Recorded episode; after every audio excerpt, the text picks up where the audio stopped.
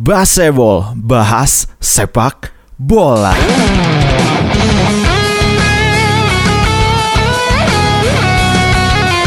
Baseball kali ini akan membahas tentang Chelsea yang berhasil mengalahkan Arsenal di babak final UEFA Europa League dengan skor akhir 4-1. Dan bagaimanakah Arsenal harus memperbaiki skuadnya untuk musim depan? Selengkapnya di Baseball Podcast.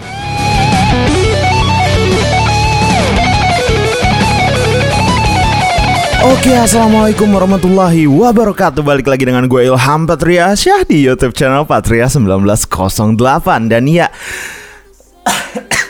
gue tarik nafas dulu, menghela nafas dulu. Ya, ini gue baru bangun tidur. Jadi ini gue rekaman jam 9 lewat 37 ya. Baru bangun tidur habis subuh tadi pagi ya. Ini gue rekaman tanggal 30 bulan Mei ya 2019 dan episode kali ini seperti yang udah dijelaskan di intro kita bakal menge ngebahas tentang Chelsea yang berhasil memenangkan pertandingan di final UEFA Europa League dengan skor 4-1.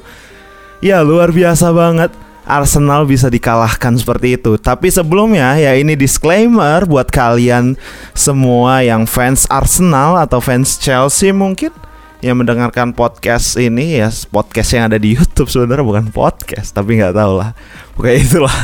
Oke ya jadi gue mau bahas sedikit, bukan sedikit sih. Ya, ini agak lumayan detail sih bisa dibilang untuk masalah pertandingannya. Tapi ya ini gue mulai lagi, gue mulai aja langsung dari babak pertama di sini. Untuk segmen pertama ini ya gue mau ngebahas tentang pertandingannya dulu. Oke, jadi di babak pertama ini gue rasa pertandingan sangat berlangsung dengan sengit ya, sangat sengit. Ya tapi Chelsea menurut gue lebih menekan di akhir-akhir babak pertama gitu loh kalau dibandingkan dengan Arsenal ya. Ya iya kedua tim ini yang bertanding kayak Black. Oke, jadi gue rasa di apa namanya di babak pertama ini Arsenal nunjukin dominasinya gitu di dari awal-awal laga terus tuh berhasil mendapatkan peluang juga melalui Aubameyang dan Granit Xhaka gitu. Tapi ya menurut gue sepakan apa namanya? sepakan keduanya itu masih gagal gitu ngarah ke gawang dengan tepat. Terus Chelsea juga kayak apa namanya ya kedua tim ini saling balas-balesan gitu loh masuk menit ke 30 uh Chelsea punya peluang emas kan tapi ya ah untung si Peter Cech ya masih bisa mematahkan sepakan dari Emerson ya di menit ke 30 itu. Dan Giroud juga untuk me, apa namanya sepakan Emerson dan Giroud juga untuk mengamankan babak pertama ya tetap tanpa gol untuk Peter Cech ya. Luar biasa lah untuk penampilannya untuk di usia yang gue bilang udah cukup tua ya kayaknya udah apa namanya harusnya burn Leno sih. Ya itu nanti gue bahas nanti. Oke jadi ini langsung aja karena kejadian di babak pertama nggak begitu apa ya nggak begitu intens gitu loh. Nggak ada gol yang terjadi tapi ya cukup seru dari awal babak pertama juga. Dan kita langsung beralih ke babak kedua. Menurut gue ya ini apa namanya serunya kenapa apa namanya gue ngedukung Arsenal dari awal apa namanya alasan gue ngedukung Arsenal untuk memenangkan pertandingan UEFA Europa League ini final UEFA Europa League ini lawan Chelsea karena Arsenal ini punya apa namanya high press yang uh gue seneng banget sih sama Unai Emery. Unai kan gue mau bilang. Unai Emery ini karena high pressnya itu strategi high pressnya itu uh gitu. Greget gitu. Tapi ya sayang banget gol pertama untuk Chelsea terjadi gitu loh oleh Giroud ya dari crossingnya. Siapa? Emerson ya apa? Siapa? Lupa gue juga. Aduh gila itu sayang banget. Dan ya nggak lama kemudian gol 2-0 untuk Chelsea dari Pedro. Aduh. Terus ya langsung lanjut lagi 3-0 gitu. Gila. Gue yang nonton gitu. Gue ya kan pasti kalian kalau nonton kayak nggak mungkin kan kalian nonton ah udahlah sekedar nonton aja. Atau ya mungkin aja sih ada yang kayak gitu. Tapi kalau gua nonton final UEFA Europa League ini dari awal dari sebelum ya dari jauh-jauh hari sebelum bukan dari jauh-jauh hari dari apa namanya dari semifinal. Setelah tahu hasil akhirnya Arsenal dan Chelsea yang melangkah ke final itu gua ah ini Arsenal sih harusnya ini yang bisa ngangkat trofi nih gila, gila. gue apa namanya kayak faktornya Arsenal ini mental dari para pemain mudanya itu dan lain-lain gue rasa semangat bukan mental sih semangat dari para pemain mudanya itu yang gue rasa bakal kayak ngerubah jalannya pertandingan di final UEFA Europa League tapi ya begitu dah pas sudah 3-0 ini mental pemain udah kayak nggak jelas lagi gitu. Terus akhirnya nafas segar masuk nih mulai nih di menit, menit berapa pokoknya setelah 3-0 inilah masuk Guendouzi dan Iwobi gitu. Ya, ini untuk fans Arsenal ya. Gua perlu jujur, Iwobi ini menurut gua pemain yang sampah. Sumpah dah, ini pemain kayak apa namanya? Pemain yang cuman bisa dribbling doang gitu loh. Kayak visi bermain nggak ada, shootingan juga terkadang ya. Itu hoki aja sebenarnya. Untuk apa namanya? Pas dia nyetak gol, ya menurut gua hoki itu karena nggak apa namanya ya kalian juga pasti bisa lah satu saat ya satu saat kalian lagi main futsal atau main sepak bola lapangan gede pasti bisa nyetak gol kayak gitu gitu loh Ya walaupun kemungkinan dari berapa shot yang kalian ambil segala macam itu bi baru bisa gitu. Misalkan dari 20 shot yang kalian coba baru bisa terjadi kayak gitu. Ya sama halnya dengan Alex Iwobi ini. Gitu loh. Ya buat buat kalian fans Arsenal yang apa namanya bahkan fansnya Iwobi gitu loh. Yang senang sama Iwobi ya, sorry, tapi menurut pendapat gua ya, ini lagi-lagi pendapat gua. Podcast ini tentang mencurahkan pembahasan sepak bola dari apa namanya sudut pandang fans awam gitu tapi ya gua rasa karena udah lumayan sering gua mau ngamati beberapa pemain gitu loh nonton ya nonton bola ya diamatin lah pemainnya lo orang masa nonton bola cuman nyari golnya doang ya enggak kan ngeliatin permainannya pasti ya kalau gua ngeliat Iwobi nih Alex Iwobi sampah sih ini pemain menurut gua ya tapi ya balik lagi ke pendapat kalian masing-masing kalau menurut gua sampah Iwobi ini dan ya ini pemain harus dibuang musim depan. Nanti itu bakal ya mungkin bisa menjadi apa ya? Kalau dia di, dijual itu dan pemain lain mungkin masuk yang pasti banyak pemain bagus di atas dia kelasnya di atas Alex Iwobi untuk apa namanya ngisi sayap kirinya Arsenal ya banyak gitu loh. Bakal banyak yang bisa masuk gantiin Alex Iwobi gitu loh. Ya tergantung Arsenalnya aja tergantung pemilik Arsenalnya aja mau ngedatengin siapa. Oke jadi ya setelah gol luar biasa dari Alexi Wobi ini ya dari luar kotak penalti sih kalau nggak salah. Si Arsenal ini kayak aduh aduh aduh kacau nih. Aus ini gue teriak-teriak ini terlalu bersemangat. Ya karena buat podcast yang diunggulin kan suara nggak ada visualnya gitu loh. Jadi ya suara harus kayak mengekspresikan sesuatu yang lebih gitu dibandingkan kalau ada video. Oke, jadi setelah nggak lama kemudian Iwobi udah nyetak gol itu harapan Arsenal tuh kayak muncul nih. Gue juga kayak, weh boleh lah anak ini kata gue kan, anak ini sok tua juga gue. Tapi ya tetap, aduh gila, parah sih. Lini apa namanya lini pertahanan Arsenal ini gue nggak ngerti sih. Maitland Niles ini, aduh gimana ya? ya apa namanya hilangnya sosok Hector Bellerin gitu loh di squad ini ya kayak menimbulkan satu lobang gitu loh di apa namanya Arsenal gitu dan gua rasa Metal Niles nggak cocok sih untuk main di final untungnya ya alhamdulillahnya banget Mustafi nggak main di match ini kalau dia main mungkin babak pertama juga Arsenal udah kebobolan kali. Lewat apa namanya aksi konyolnya Mustafi gitu. Ya kalian tahu sendiri lah Mustafi kayak gimana hancurnya gitu. Ya lanjut lagi di sini ada poin yang mau gue bahas sih Joseph Willock masuk ya. Arsenal punya beberapa kesempatan tapi gue rasa mental dari squad muda Arsenal ini masih belum bisa ngangkat tim ini yang udah hancur karena ketinggalan 3 gol di belakang gitu loh. Tapi ya yang paling parah sih sumpah ya nih ya Ozil ini kenapa nggak ditarik keluar lebih cepet gitu loh? Parah banget tuh Emery kenapa dah? Ini pemain males nih ya, ya perlu gue tekankan ini pemain males. Pemain kreatif tapi males gitu nggak cocok main di Arsenal yang sekarang yang dalam masa kepelatihannya si Unai Emery yang menggunakan skema high press gitu dalam tanda kutip ya. Wah ini sumpah kalau Ozil dia tarik keluar sama apa namanya Unai Emery lebih cepat itu gua rasa kayaknya semangat dari para pemain muda Arsenal yang bakal masuk gitu ya. Yang bakal masuk atau yang lagi bermain atau lagi bertanding ini bisa lebih cepat lagi gitu loh untuk ngebalas gol-gol yang ketinggalan tiga gol ini dari skor apa skor 4-1 nya ya tapi ya sudahlah selamat untuk Chelsea ya dan aduh. Ini gue mau bahas Peter Cech sedikit sih. Gue rasa apa ya mungkin dengan Peter Cech ini main di babak final apa ya menurut ada pro kontra sih karena Peter Cech ya kalau dibandingin sama Bern Leno mungkin ya pasti jauh lah pengalamannya Peter Cech lebih banyak gitu loh. Kalian tahu sendiri kan Peter Cech waktu lawan apa namanya kalau dulu pas di Chelsea waktu lawan final di Munchen ya lawan Bayern Munchen atau Munich lah basing. Oke jadi ya apa namanya mentalnya tuh lebih bagus gitu. Mungkin Unai Emery lebih percaya ke Peter Cech dan ya sebagai laga perpisahan juga mungkin untuk Peter Cech gitu kan ya? Ini kenapa nada gue jadi tiba-tiba tinggi gitu kan? Oke okay, jadi ya tapi kalau menurut gue ya ini balik lagi ke pendapat gue ini podcast gue kalian mau dengerin terserah kalian mau abaikan juga terserah. Tapi menurut gue lebih cocok Leno yang untuk turun. Tapi ya sudahlah udah kejadian ya semoga Arsenal ke depannya bisa lebih matang lagi dengan beberapa pemain yang gak gue suka tadi. Ya bisa dijual seperti Iwobi Mustafi dan ya gue rasa bonusnya Nacho Montreal sih mesti dijual sih. Ya Arsenal ah nggak tahu dah ya semoga lah. Sama oh ya ini satu bonus lagi nih Ozil udah jual aja deh lumayan dapat dana tambahan mungkin untuk transfernya Arsenal musim depan.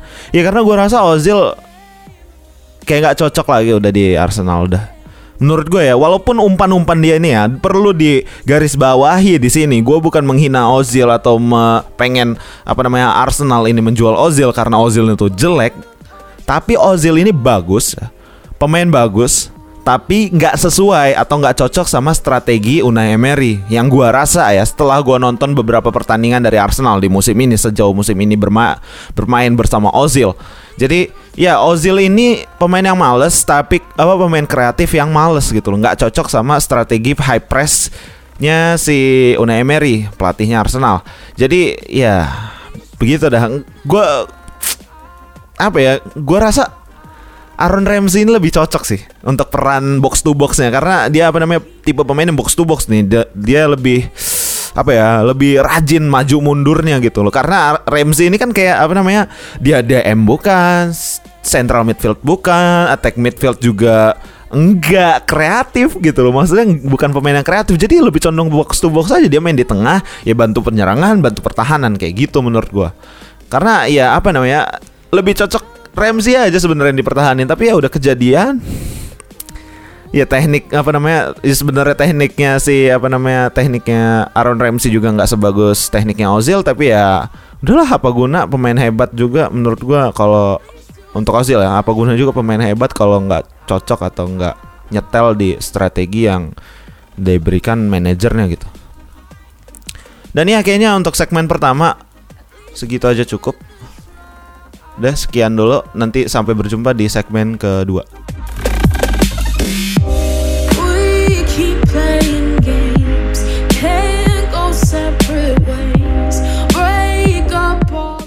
Oke, jadi ya seperti yang udah gue bahas di segmen pertama tadi sih, Arsenal ini gue rasa mereka harus ngedatengin kayak apa namanya, kalau dilihat dari pertandingan final ya, kayak apa namanya lebih condong kayak gimana sih gue ngomongnya? Sampai bingung. Ya ini Arsenalnya harusnya bisa beli back berkualitas sih tapi dengan pembatasan budget yang diberikan sama pemiliknya Arsenal atau nggak tahu gue siapa pemiliknya gue nggak riset dulu tapi ya yang gue tahu sih info-infonya Arsenal itu cuma dikasih budget 40 juta euro bahkan bukan pounds ya untuk musim depan gitu. Gue nggak ngerti sama pemiliknya itu. Ya semoga kemungkinan apa namanya ada kemungkinan untuk berubah atau bertambah lah setidaknya karena Arsenal udah bisa dibawa sama Unai Emery ini ke babak final dari UEFA Europa League gitu. Walaupun finishnya di posisi kelima ya kalau nggak salah ya. Arsenal dari apa namanya Premier League gitu sendiri. Oke jadi di sini gue udah punya beberapa nama yang dirumorkan ya bakal join ke Arsenal. Ini yang pertama ini uh, nama lama sih sebenarnya. Ada kalau untuk dari lini apa namanya rumor ya rumor dulu nggak langsung dari pertahanan. Ini ada Isco sebenarnya. Isco ini di harga apa namanya pasarannya kalau dilihat itu ada di angka berapa? 50 jutaan sih harusnya karena ya tapi ya karena bagus dan sa tapi sayangnya agak menurun di musim ini ya di awal-awal musim terutama karena jarang kesempatan dari manajer Real Madrid dulu siapa sih lupa gue namanya sampai ya pokoknya Isco kemungkinan join Arsenal kayaknya nggak bakal terrealisasikan sih kalau menurut gua karena ya Isco kan kayak anak kesayangannya si atau anak asuh kesayangannya si siapa namanya Zidane ya. Jadi gua rasa rumor ini bakal ya cuman jadi rumor dan berlalu gitu aja gitu loh. Dan untuk lini tengahnya mungkin ada rumor juga untuk datengin Engkuku ya, Engkungku, Engkungku apa Engkuku ya? dari apa namanya pemain muda asal PSG ya. Ini central midfield. Ini nationality dia ini Prancis atau apa ya? Kayaknya double sih nggak tahu dah pokoknya Engkuku Christopher Engkuku ini dirumorkan juga ya punya market value yang nggak begitu besar juga sebenarnya sih. Masih muda kan wajar. Tapi kalau untuk masalah apa namanya rumor yang cukup besar ya ini apa namanya santer dibicarakan juga untuk Arsenal ini mendatangkan dan menjual pemain itu Danny Welbeck sih.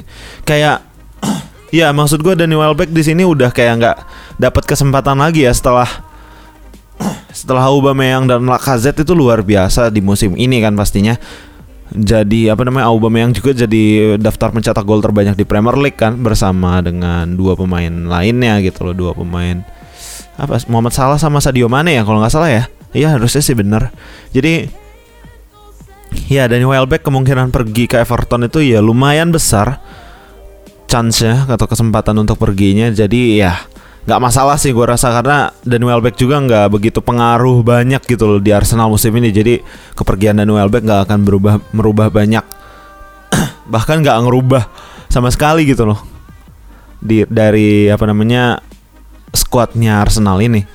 Ya kayak untuk lumayan lah nambah-nambah dana aja untuk datengin pemain baru. Dan ini dia yang menarik. Ada kan udah gue bilang tuh apa namanya Alexi Wobi itu kayak pantas aja dijual. Tapi di sini ya rumornya untuk dia dijual dalam tanda kutip, ya bukan dalam tanda kutip. Maksud gua rumor untuk Alexi Wobi itu dijual kayaknya nggak ada gitu loh, nggak ada apa namanya. Ya Unai Emery gue juga nggak ngerti sih kenapa mempertahankan Iwobi ya. Kayaknya emang demen aja sih Unai Emery sama Iwobi ini.